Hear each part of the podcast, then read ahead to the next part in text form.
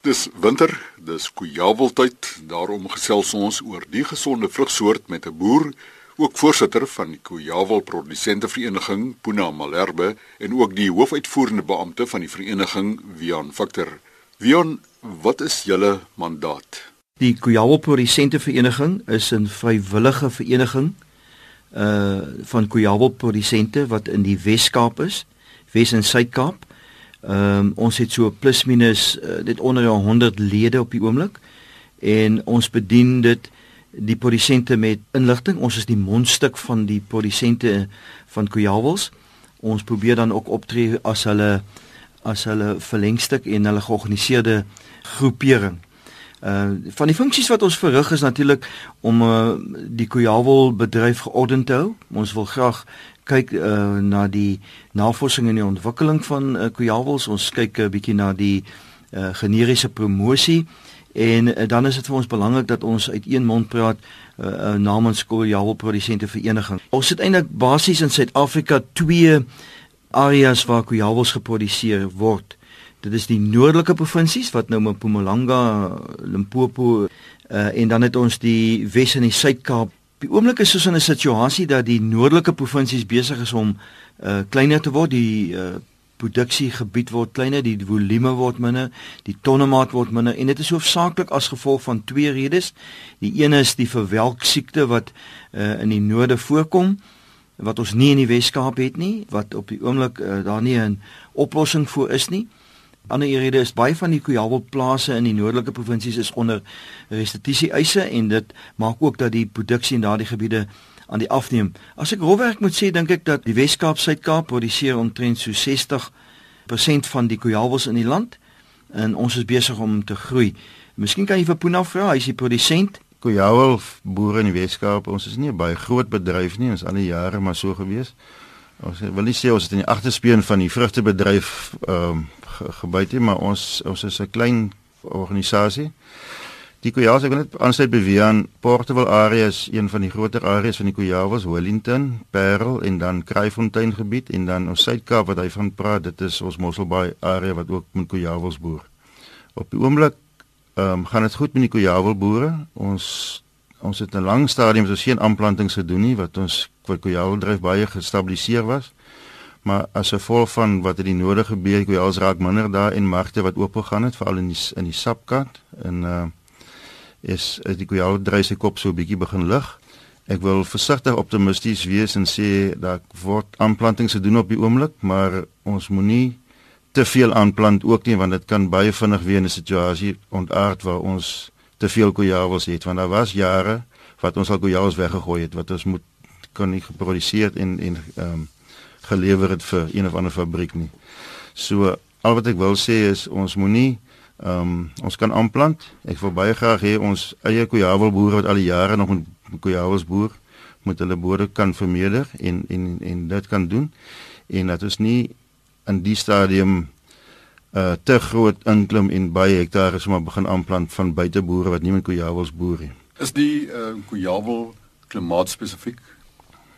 Ons klimaat in die Weskaap is mos nou maar ehm um, koue winters. Ons kujawels hou van die koue en en ek dink dit is een van die groot redes kom ons nog glad nie vir welk siekte by ons het is oor ons koue winters. Alhoewel ons vir jare met 'n probleem sit met droogte en wat uh, nie ehm um, ons genoeg water het vir die kujawels nie. Maar ehm um, ons ons het geen siektes wat dit aan betref op die oomblik nie. En die waarheid is sê ons kujawels ehm um, het baie min siektes, is maar vrugtevlieg is een van ons grootste probleme in in in ons areas wat ons met kujawels moet behandel en dan het ons maar baie klein spuitprogram. Ons grootste kostes in kujawel in die bedryf ehm um, is ons oeskostes. Ons lone wat ons betaal ons oes ons oeskostes. Verder wil ek net sê eh, as ek sommer kan praat weer aan oor oor waar ons verdeel ons ons ons sit so ongeveer 25000 ton wat ons verwerk in die, in die, in die Weskaap en daarvan word die grootste gedeelte word in die sapmark ingegaan in die in die, in die pulp en uh ongeveer 16 na 18000 ton en dan ons inmaak is ons res maar dit beloop ons op die, op die oomblik so by 2000 ton en die res wat oorbly is gaan na die varsmark. Daar's 'n goeie varsmark. Al probleme is nou skojawels is ons hou vermoë. Ehm um, maar ons lewer aan die winkels. Uh maar Kujawel het maar 'n probleem. Um, hy hou nie so lank op die rakkie en dis nie ons kan glad nie hom uitvoer op die stadium nie want hy het nie hou vermoë nie. Is daar verskeie kultivars in die mark? Uh, ons gebruik hoofsaaklik uh, fynretief, dis die een kultivar. Ons het uh, 99% van ons Weskaapse kultivars is fynretief. Uh ons het 'n klein bietjie ehm uh, Malabus wat ons ook gebruik, maar dit is hoofsaaklik fynretief. Uh ek kan net interessant miskien vir jou noem dat ehm uh, die navorsingsstasie in Nelspruit het hulle baie werk gedoen om na nuwe kujawels te soek. Ehm um, daar is op die oomblik uh 28 seleksies wat geteel is om die kujawelbedryf uit te brei.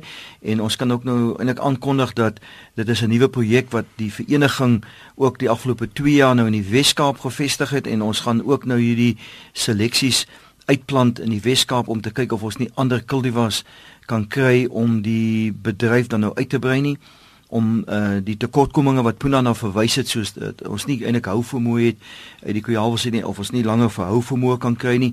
Die ander ding van kujawels sal skaaf maklik dat ons dalk uh beter voorkoms kan kry, dieper pink kleur en miskien uh, met minder pitte en dalk met 'n hoë suikerinhoud en bome wat dalk vir ons hoë tonnemate gee. So op die oomblik het ons ehm um, in die in die uh, Simondium area op die proefplaas van die LNR het ons hierdie seleksies uitgeplant. Ons is baie opgewonde want ons gaan ook die genebank uh, wat uh, ons in Suid-Afrika het vestig op uh, die proefplaas om dan ook te kyk of ons nie kan verder teel met uh, kujawels om die om die kultivars te vermeerder nie, maar een van die tekortkominge van die bedryf is eintlik dat ons het te min kultivars. Uh as ek nou vir jou 'n bietjie uh, Chris, as jy nou wil hê dan kan ek gou 'n bietjie in die geskiedenis aangaan van kujawels dan kan jy net sien hoe kom ons nou eintlik met 'n minste en Puna kan nou by by my aansluit want hy is nou daar in die groot Drakensberg wat die ehm uh, die die teelaarde of die begingebied van van van uh kujawels uh, was. Die kujawel is 'n 'n tropiese vrug uit die aard van die saak soos wat Puna dit dan ook vir jou verduidelik het en dat hy aard in die Weskaap. Die kujawel se oorsprong die kujawelvrug se oorsprong is eintlik in in die uh, in die oorjare in Mexiko en Peru. Die Portugese wat dan die uh, rondom die 15de en die 16de eeu begin rond uh, vaar het met hulle skepe, het natuurlik hierdie kujawels uh, dan versprei oor die res van die wêreld na ander wêrelddele en dit is soos Jan van Riebeeck dit in die Kaap gekry het. Ehm uh, toe die kujawels hier aangekom het en dit ook hier geplant is.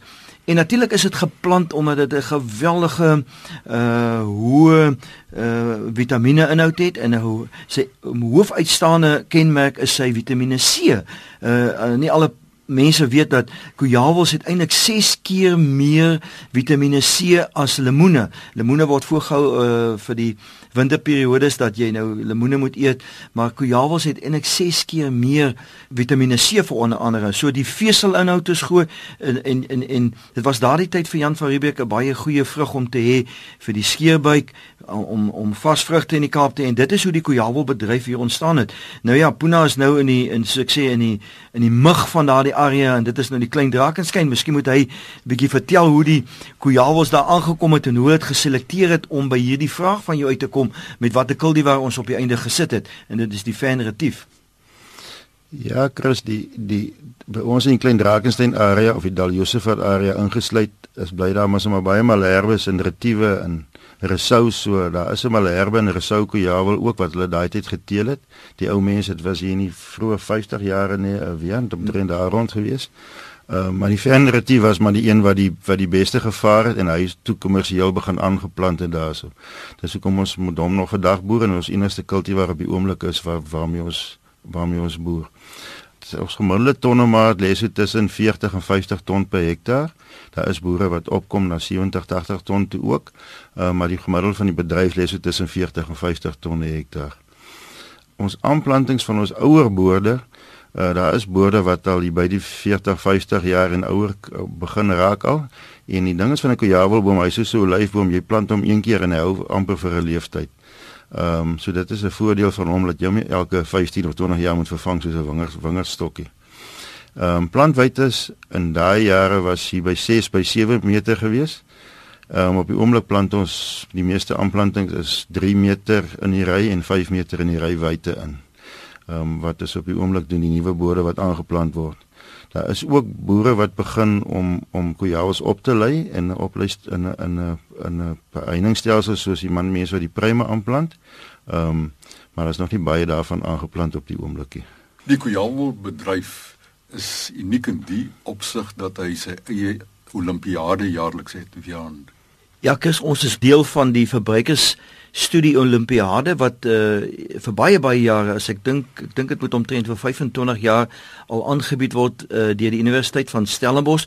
Die afgelope 3 jaar het dit van die Universiteit van Stellenbosch af geskuif na die Universiteit van die Vrystaat in Bloemfontein en uh, die Kojawel bedryf was maar altyd betrokke by daardie uh, Olimpiade.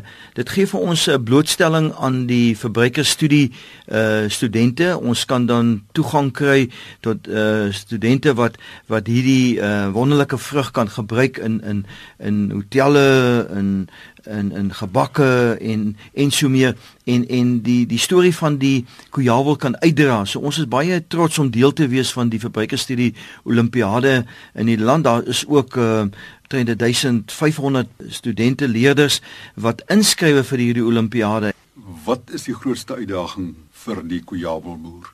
Water is 'n baie groot probleem want Kujawel wil baie water hê. As jy met Kujawel boer veral Januarie, Februarie, Maart het jy baie water nodig om jou kujawels groot te kry. So hierdie jaar is is 'n droogte jaar, so dit is een van ons grootste uitdagings is om die kujawels groot te kry. Op die oomblik pluk ons maar's baie kleiner vruggies wat gaan maar vir sapgehalte. Dis 'n wintervrug. As dit reën, jy moet pluk, maandag moet jy vir hom pluk. Ehm um, so jy jou arbeid om te organiseer. Jy pluk 3 na 4 maande van die jaar met jy elke week die kujawelboot pluk. Ehm um, dis 'n baie lang oesperiode bespuiting ons het nie regtig baie duur spuitkosse aan kujawels nie dis maar meeste vrugte vlieg en uh, en dan kunsmis hy hy moet maar genoeg voeding kry. En so gesels Wian Victor hoofuitvoerende beampte van die kujawel produsente vereniging en Puna Malherbe van die plaas Goede Hoop in die Klein Drakensberg hy is ook voorsitter van die vereniging. Die webwerf is www.guavaproducers.com www.co.za die telefoonnommer 021 872 1501 groete